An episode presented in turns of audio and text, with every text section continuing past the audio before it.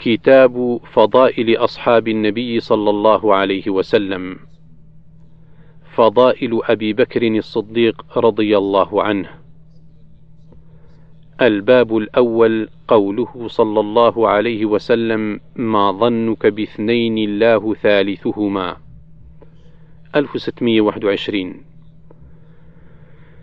عن أنس بن مالك رضي الله عنه أن أبا بكر الصديق رضي الله عنه حدثه قال نظرت إلى أقدام المشركين على رؤوسنا ونحن في الغار فقلت يا رسول الله لو أن أحدهم نظر إلى قدميه أبصرنا تحت قدميه. فقال يا أبا بكر ما ظنك باثنين الله ثالثهما؟ أخرجه البخاري 3653 الباب الثاني قوله صلى الله عليه وسلم إن أمن الناس علي في ماله وصحبته أبو بكر.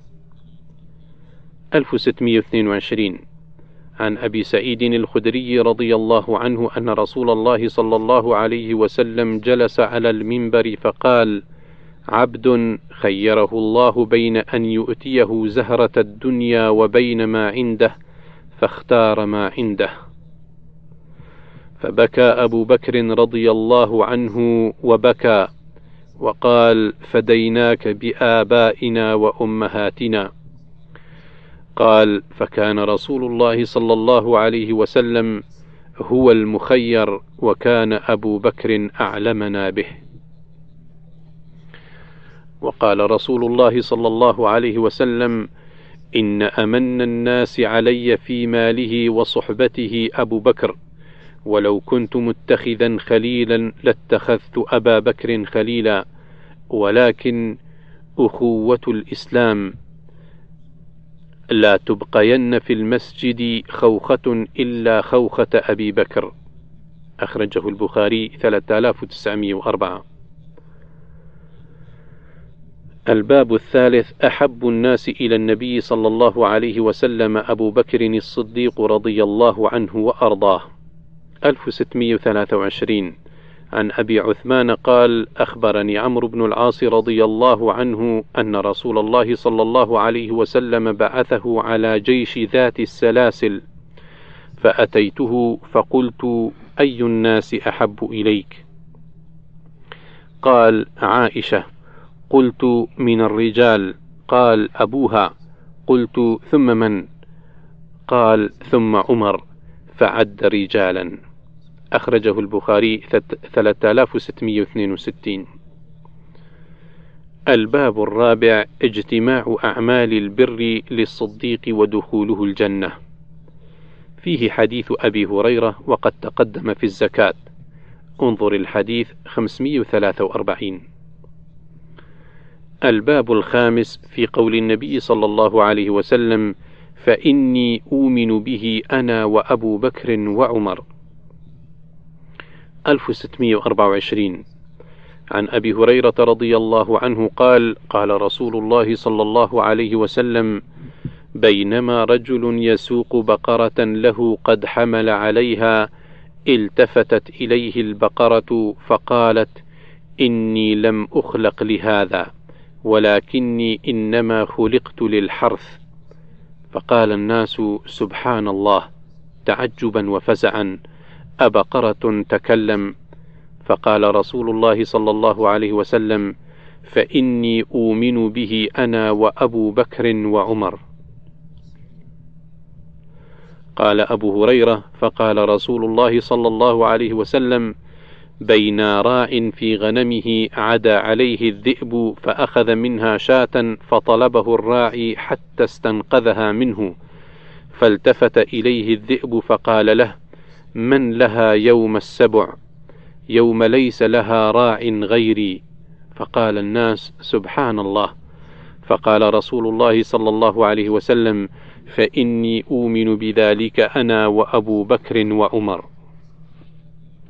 أخرجه البخاري 3471 الباب السادس مرافقة الصديق والفاروق النبي صلى الله عليه وسلم. 1625 عن ابن عباس رضي الله عنهما قال وضع عمر بن الخطاب رضي الله عنه على سريره فتكنفه الناس يدعون ويثنون ويصلون عليه قبل أن يرفع وأنا فيهم. قال فلم يرعني إلا برجل قد أخذ بمنكبي من ورائي فالتفت إليه فإذا هو علي رضي الله عنه. فترحم على عمر وقال ما خلفت أحدا أحب إلي أن ألقى الله بمثل عمله منك.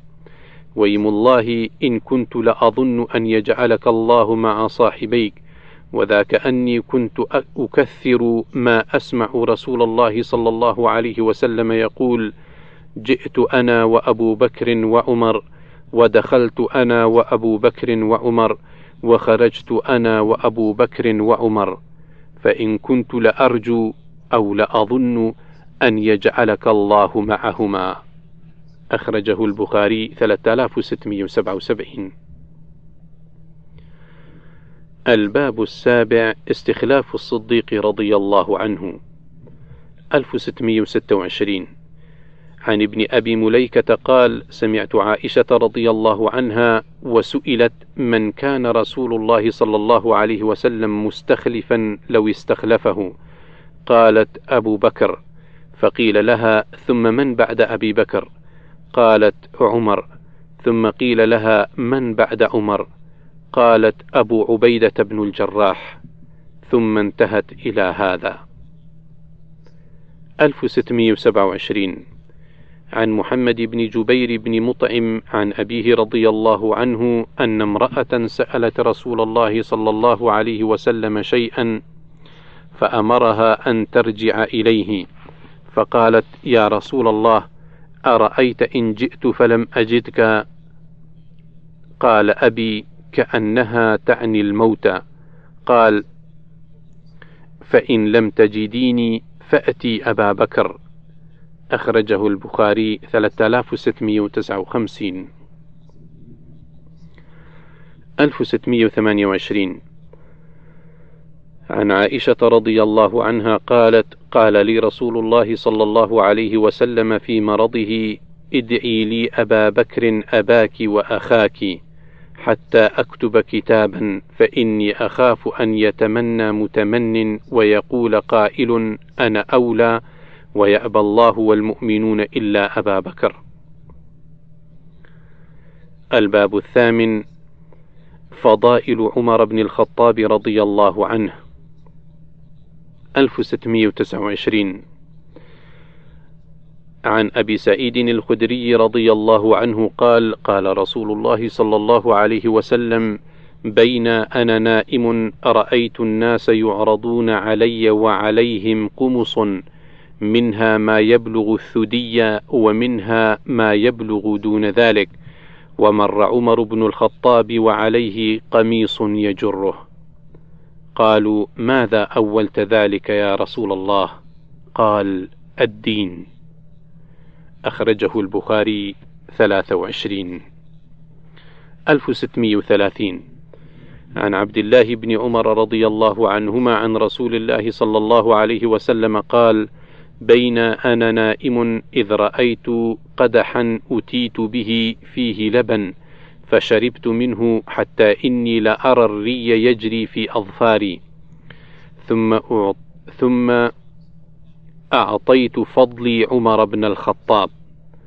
قالوا فما أولت ذلك يا رسول الله؟ قال العلم. أخرجه البخاري 82 1631 عن أبي هريرة رضي الله عنه قال: سمعت رسول الله صلى الله عليه وسلم يقول: بين أنا نائم رأيتني على قليب عليها دلو فنزعت منها ما شاء الله ثم أخذها ابن أبي قحافة فنزع بها ذنوبا أو ذنوبين وفي نزعه والله يغفر له ضعف. ثم استحالت غربا فأخذها ابن الخطاب فلم أر عبقريا من الناس ينزع نزع عمر بن الخطاب حتى ضرب الناس بعطن حتى ضرب الناس بعطن. أخرجه البخاري 3664 1632 عن أبي هريرة رضي الله عنه عن النبي صلى الله عليه وسلم أنه قال: بين أنا نائم إذ رأيتني في الجنة فإذا امرأة توضأ إلى جانب قصر فقلت لمن هذا؟ فقالوا لعمر بن الخطاب فذكرت غيرة عمر فوليت مدبرا قال أبو هريرة فبكى عمر ونحن جميعا في ذلك المجلس مع رسول الله صلى الله عليه وسلم ثم قال بأبي أنت وأمي يا رسول الله أعليك أغار. أخرجه البخاري 3242 1633 عن سعد بن أبي وقاص رضي الله عنه قال استأذن عمر على رسول الله صلى الله عليه وسلم وعنده نساء من قريش يكلمنه ويستكثرنه عالية أصواتهن. فلما استأذن عمر قمنا يبتدرن الحجاب فأذن له رسول الله صلى الله عليه وسلم ورسول الله صلى الله عليه وسلم يضحك فقال عمر أضحك الله سنك يا رسول الله. فقال رسول الله صلى الله عليه وسلم عجبت من هؤلاء اللاتي كن عندي فلما سمعن صوتك ابتدرن الحجاب. قال عمر فأنت يا رسول الله أحق أن يهبن. ثم قال عمر أي عدوات أنفسهن أتهبنني ولا تهبن رسول الله صلى الله عليه وسلم؟ قلنا نعم أنت أغلظ وأفظ من رسول الله صلى الله عليه وسلم. قال رسول الله صلى الله عليه وسلم والذي نفسي بيده ما لقيك الشيطان قط سالكا فجا إلا سلك فجا غير فجك. أخرجه البخاري 3294 1634 عن عائشة رضي الله عنها عن النبي صلى الله عليه وسلم أنه كان يقول: قد كان يكون في الأمم قبلكم محدثون، فإن يكن في أمتي منهم أحد فإن عمر بن الخطاب منهم. قال ابن وهب: تفسير محدثون ملهمون. أخرجه البخاري 3689 1635 عن ابن عمر رضي الله عنهما قال قال عمر رضي الله عنه وافقت ربي عز وجل في ثلاث في مقام إبراهيم وفي الحجاب وفي أسارى بدر. 1636 عن ابن عمر رضي الله عنهما قال لما توفي عبد الله بن أبي بن سلول جاء ابنه عبد الله بن عبد الله إلى رسول الله صلى الله عليه وسلم فسأله أن يعطيه قميصه. أن يكفن فيه أباه فأعطاه ثم سأله أن يصلي عليه فقام رسول الله صلى الله عليه وسلم ليصلي عليه فقام عمر رضي الله عنه فأخذ بثوب رسول الله صلى الله عليه وسلم فقال: يا رسول الله أتصلي عليه وقد نهاك الله أن تصلي عليه؟ فقال رسول الله صلى الله عليه وسلم: إنما خيرني الله عز وجل فقال: استغفر لهم أو لا تستغفر لهم إن تستغفر لهم سبعين مرة فلن يغفر الله لهم. سورة التوبة الآية ثمانين. وسأزيد على سبعين. قال إنه منافق.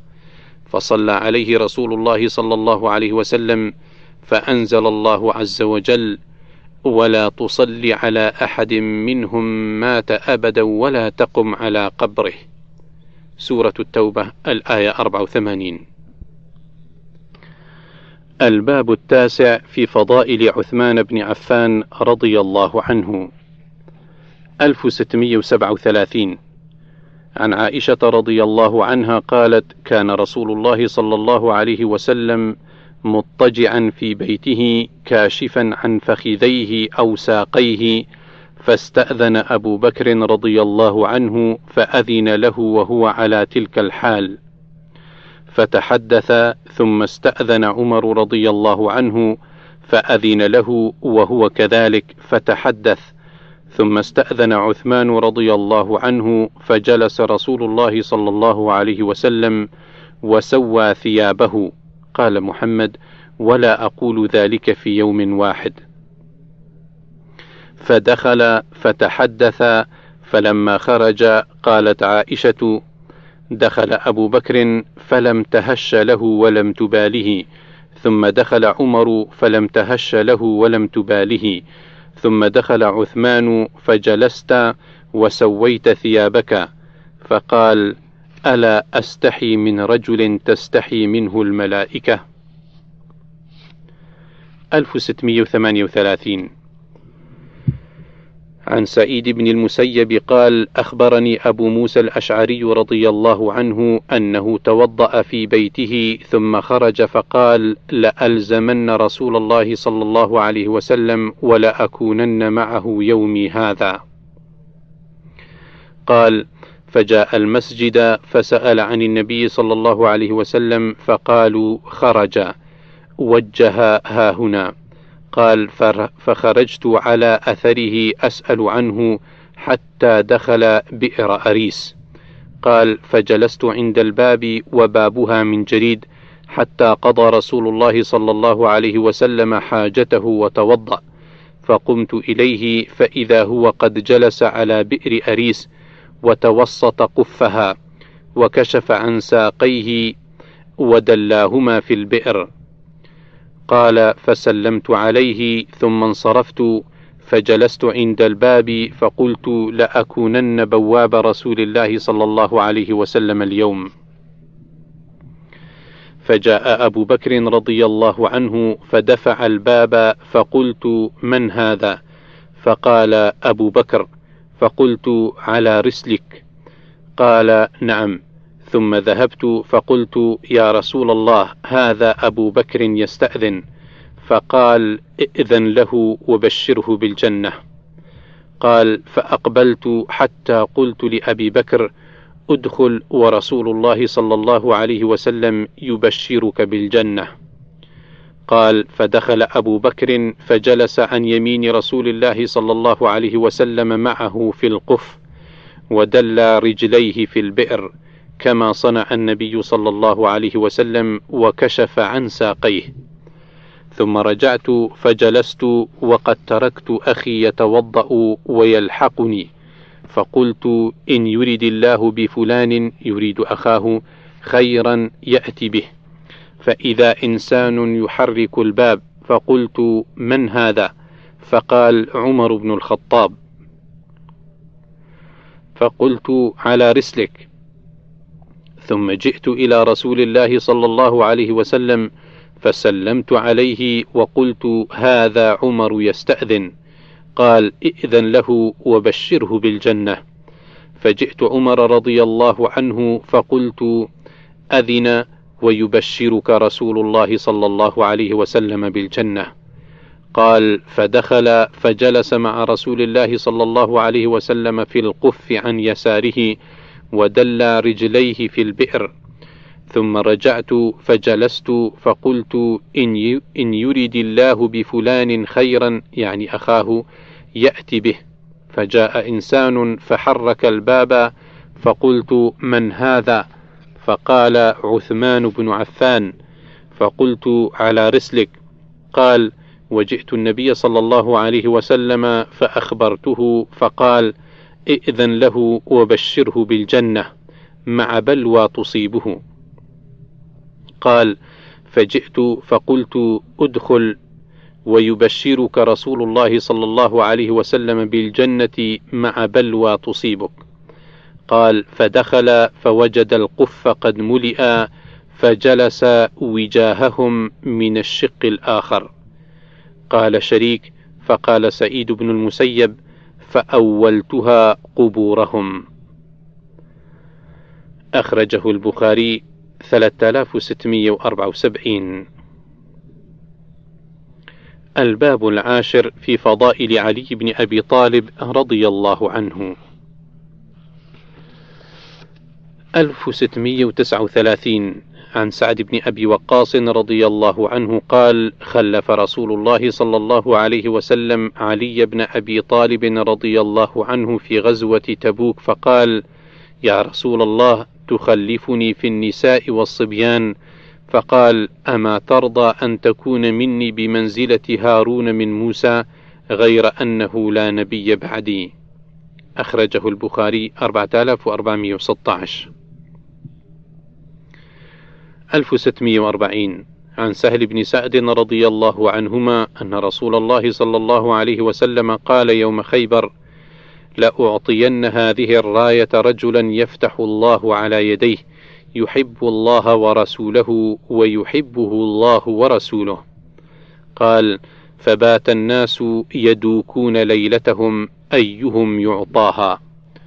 قال فلما أصبح الناس غدوا على رسول الله صلى الله عليه وسلم كلهم يرجون أن يعطاها. فقال أين علي بن أبي طالب؟ فقالوا هو يا رسول الله يشتكي عينيه. قال فأرسلوا إليه فأتي به فبصق رسول الله صلى الله عليه وسلم في عينيه ودعا له فبرأ حتى كأن لم يكن به وجع فأعطاه الراية. فقال علي رضي الله عنه يا رسول الله أقاتلهم حتى يكونوا مثلنا قال أنفذ على رسلك حتى تنزل بساحتهم ثم ادعهم إلى الإسلام وأخبرهم بما يجب عليهم من حق الله فيه فوالله لأن يهدي الله بك رجلا واحدا خير لك من أن تكون لك حمر النعم. أخرجه البخاري 4005 1641 عن سهل بن سعد رضي الله عنهما قال استعمل على المدينة رجل من آل مروان. قال فدعا سهل بن سعد فأمره أن يشتم عليا. قال فأبى سهل فقال له أما إذ أبيت فقل لعن الله أبا التراب. فقال سهل ما كان لعلي رضي الله عنه اسم أحب إليه من أبي التراب وإن كان ليفرح إذا دعي بها. فقال له أخبرنا عن قصته لم سمي أبا تراب؟ قال جاء رسول الله صلى الله عليه وسلم بيت فاطمة رضي الله عنها فلم يجد عليا في البيت. فقال أين ابن عمك؟ فقالت كان بيني وبينه شيء فغاضبني فخرج فلم يقل عندي. فقال رسول الله صلى الله عليه وسلم لإنسان انظر أين هو. فجاء فقال يا رسول الله هو في المسجد راقد. فجاءه رسول الله صلى الله عليه وسلم وهو مضطجع قد سقط رداؤه عن شقه فأصابه تراب فجعل رسول الله صلى الله عليه وسلم يمسحه ويقول قم ابا قم أبا التراب قم أبا التراب أخرجه البخاري 441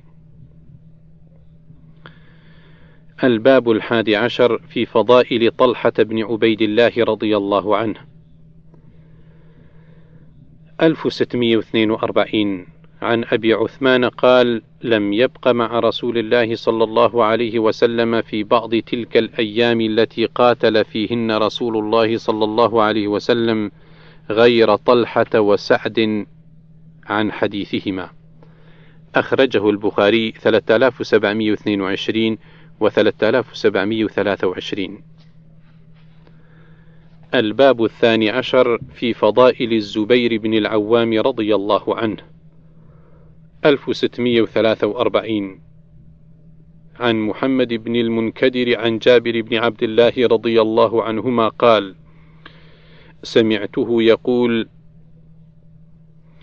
ندب رسول الله صلى الله عليه وسلم الناس يوم الخندق فانتدب الزبير ثم ندبهم فانتدب الزبير ثم ندبهم فانتدب الزبير.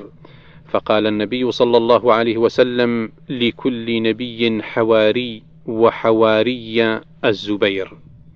أخرجه البخاري 2847 1644 عن عبد الله بن الزبير رضي الله عنهما قال كنت أنا وعمر بن أبي سلمة يوم الخندق مع النسوة في أطم حسان فكان يطأطئ لي مرة فأنظر وأطأطئ له مرة فينظر فكنت أعرف أبي إذا مر على فرسه في السلاح إلى بني قريظة.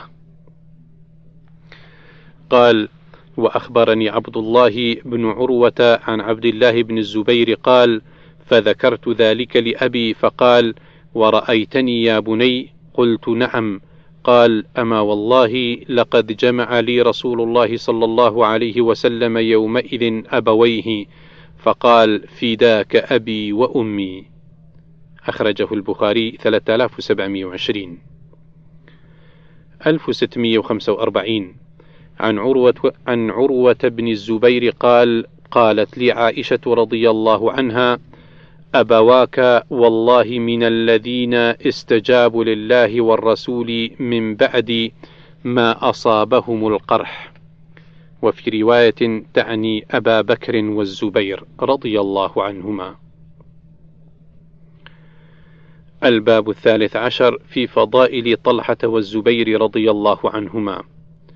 1646 عن أبي هريرة رضي الله عنه أن رسول الله صلى الله عليه وسلم كان على جبل حراء فتحرك فقال رسول الله صلى الله عليه وسلم أسكن حراء فما عليك إلا نبي أو صديق أو شهيد.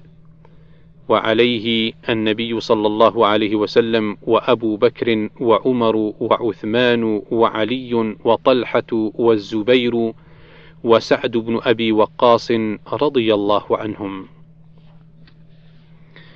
الباب الرابع عشر في فضائل سعد بن أبي وقاص رضي الله عنه.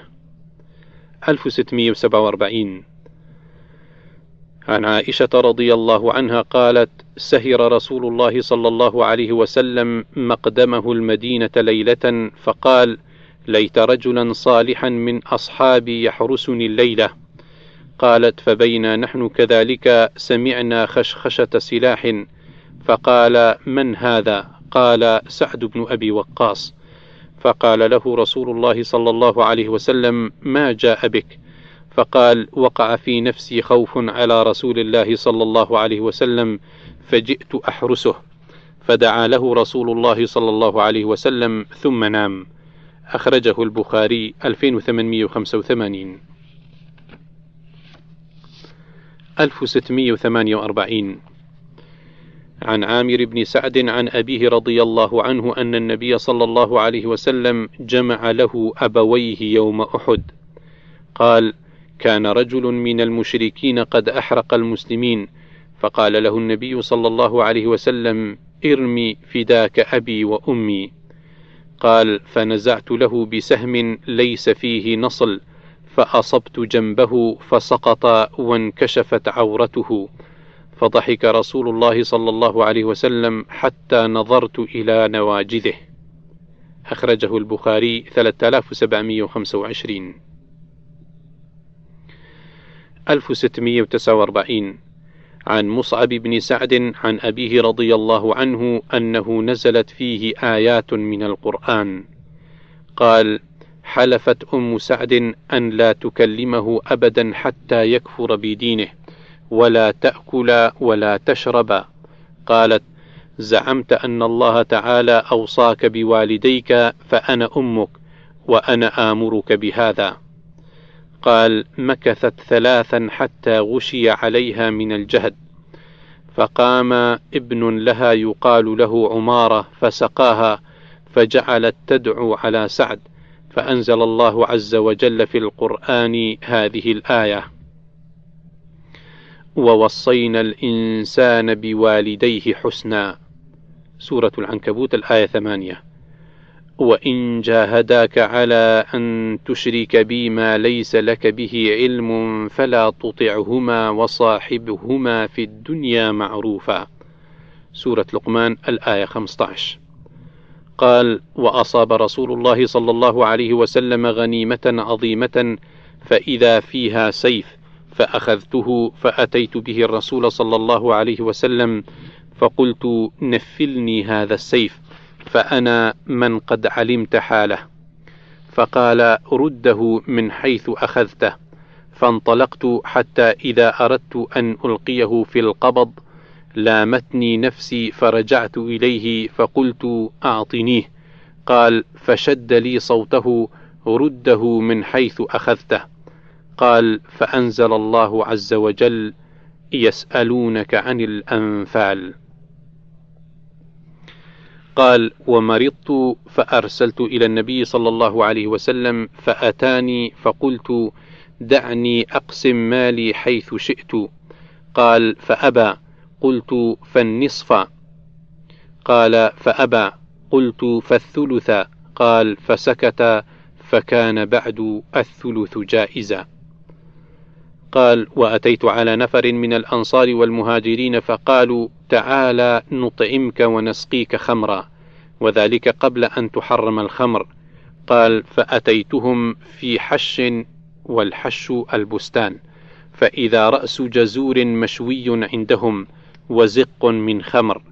قال فأكلت وشربت معهم.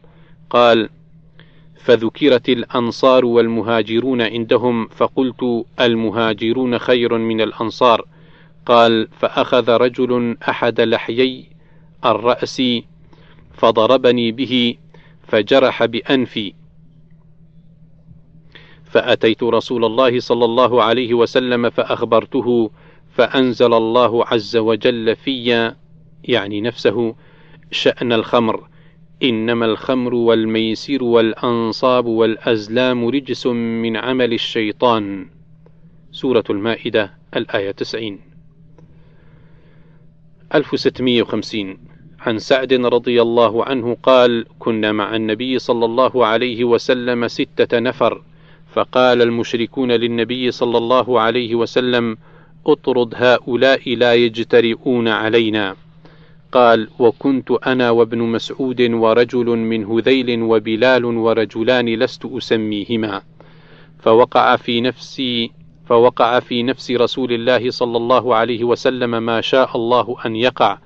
فحدث نفسه فأنزل الله عز وجل ولا تطرد الذين يدعون ربهم بالغداة والعشي يريدون وجهه. سورة الأنعام الآية 52 الباب الخامس عشر في فضائل أبي عبيدة بن الجراح رضي الله عنه. 1651 عن حذيفة رضي الله عنه قال: جاء أهل نجران إلى رسول الله صلى الله عليه وسلم فقالوا: يا رسول الله ابعث لنا رجلا أمينا فقال لأبعثن إليكم رجلا أمينا حق أمين حق أمين. قال فاستشرف لها الناس. قال فبعث أبا عبيدة بن الجراح رضي الله عنه.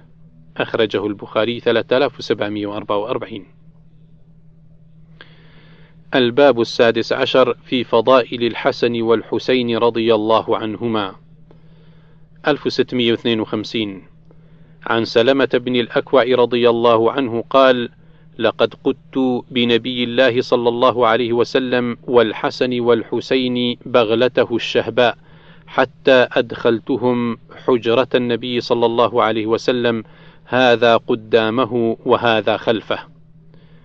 1653 عن أبي هريرة رضي الله عنه قال: خرجت مع رسول الله صلى الله عليه وسلم في طائفة من النهار لا يكلمني ولا أكلمه حتى جاء سوق بني قينقاع ثم انصرف حتى أتى خباء فاطمة رضي الله عنها فقال أثم لكع أثم لكع يعني حسنا رضي الله عنه فظننا أنه إنما تحبسه أمه لأن تغسله وتلبسه سخابا فلم يلبث أن جاء يسعى حتى اعتنق كل واحد منهما صاحبه. فقال رسول الله صلى الله عليه وسلم اللهم إني أحبه فأحبه وأحب من يحبه. أخرجه البخاري 2122 الباب السابع عشر. في فضائل فاطمة عليها السلام بنت رسول الله صلى الله عليه وسلم. 1654 عن المسور بن مخرمة رضي الله عنهما أن علي بن أبي طالب رضي الله عنه خطب بنت أبي جهل وعنده فاطمة بنت رسول الله صلى الله عليه وسلم فلما سمعت بذلك فاطمة رضي الله عنها أتت النبي صلى الله عليه وسلم فقالت له إن قومك يتحدثون أنك لا تغضب لبناتك. وهذا علي ناكحا ابنة أبي جهل. قال المسور فقام النبي صلى الله عليه وسلم فسمعته حين تشهد ثم قال أما بعد فإني أنكحت أبا العاص بن الربيع فحدثني وصدقني وإن فاطمة بنت محمد بضعة مني وإنما أكره أن يفتنوها وإنها والله لا تجتمع بنت رسول الله صلى الله عليه وسلم وبنت عدو الله عند رجل واحد أبدا. قال فترك علي رضي الله عنه الخطبة أخرجه البخاري 3729 1655 عن عائشة رضي الله عنها قالت: كن أزواج النبي صلى الله عليه وسلم عنده لم يغادر منهن واحدة، فأقبلت فاطمة رضي الله عنها تمشي ما تخطئ مشيتها من مشية رسول الله صلى الله عليه وسلم شيئا، فلما رآها رحب بها فقال: مرحبا بابنتي. ثم أجلسها عن يمينه أو عن شماله ثم سارها فبكت بكاء شديدا. فلما رأى جزعها سارها ثانية فضحكت. فقلت لها خصك رسول الله صلى الله عليه وسلم من بين نسائه بالسرار ثم أنت تبكين. فلما قام رسول الله صلى الله عليه وسلم سألتها ما قال لك رسول الله صلى الله عليه وسلم؟ قالت ما كنت لأفشي على رسول الله صلى الله عليه وسلم سره. قالت فلما توفي رسول الله صلى الله عليه وسلم قلت عزمت عليك بما لي عليك من الحق لما حدثتني ما قال لك رسول الله صلى الله عليه وسلم. فقالت أما الآن فنعم أما حين سارني في المرة الأولى فأخبرني أن جبريل كان يعارضه القرآن في كل سنة مرة أو مرتين، وأنه عارضه الآن مرتين، وإني لا أرى الأجل إلا قد اقترب، فاتق الله واصبري، فإنه نعم السلف أنا لك. قالت: فبكيت بكائي الذي رأيت، فلما رأى جزعي سارني الثانية فقال: يا فاطمة أما ترضين أن تكوني سيدة نساء المؤمنين أو سيدة نساء هذه الأمة؟ قالت: فضحكت ضحك الذي رأيت. أخرجه البخاري 6285 و 6286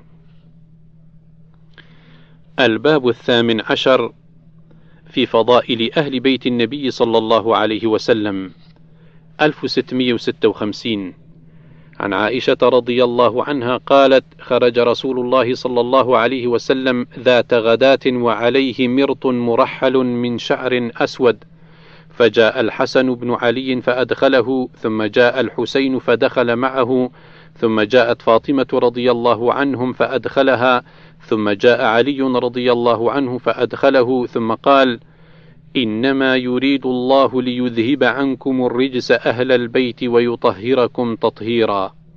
سورة الأحزاب الآية 33 1657 عن يزيد بن حيان قال: انطلقت أنا وحسين بن سبرة وعمر بن مسلم إلى زيد بن أرقم فلما جلسنا إليه قال له حسين: لقد لقيت يا زيد خيرا كثيرا. رأيت رسول الله صلى الله عليه وسلم وسمعت حديثه وغزوت معه وصليت خلفه.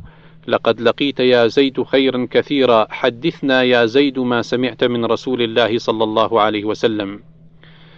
قال يا ابن أخي والله لقد كبرت سني وقدم عهدي ونسيت بعض الذي كنت أعي من رسول الله صلى الله عليه وسلم. فما حدثتكم فاقبلوه وما لا فلا تكلفونيه. ثم قال قام رسول الله صلى الله عليه وسلم يوما فينا خطيبا بماء يدعى خما بين مكة والمدينة فحمد الله وأثنى عليه ووعظ وذكر ثم قال: أما بعد ألا أيها الناس فإنما أنا بشر يوشك أن يأتي رسول ربي فأجيب وأنا تارك فيكم ثقلين أولهما كتاب الله فيه الهدى والنور فخذوا بكتاب الله واستمسكوا به.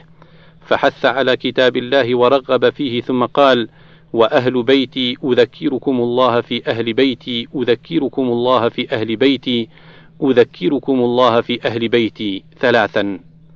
فقال له حسين ومن أهل بيته يا زيد؟ أليس نساؤه من أهل بيته؟ قال نساؤه من أهل بيته ولكن أهل بيته من حرم الصدقة بعده. قال ومن هم؟ قال هم آل علي وآل عقيل وآل جعفر وآل عباس. قال كل هؤلاء حرم الصدقة. قال نعم.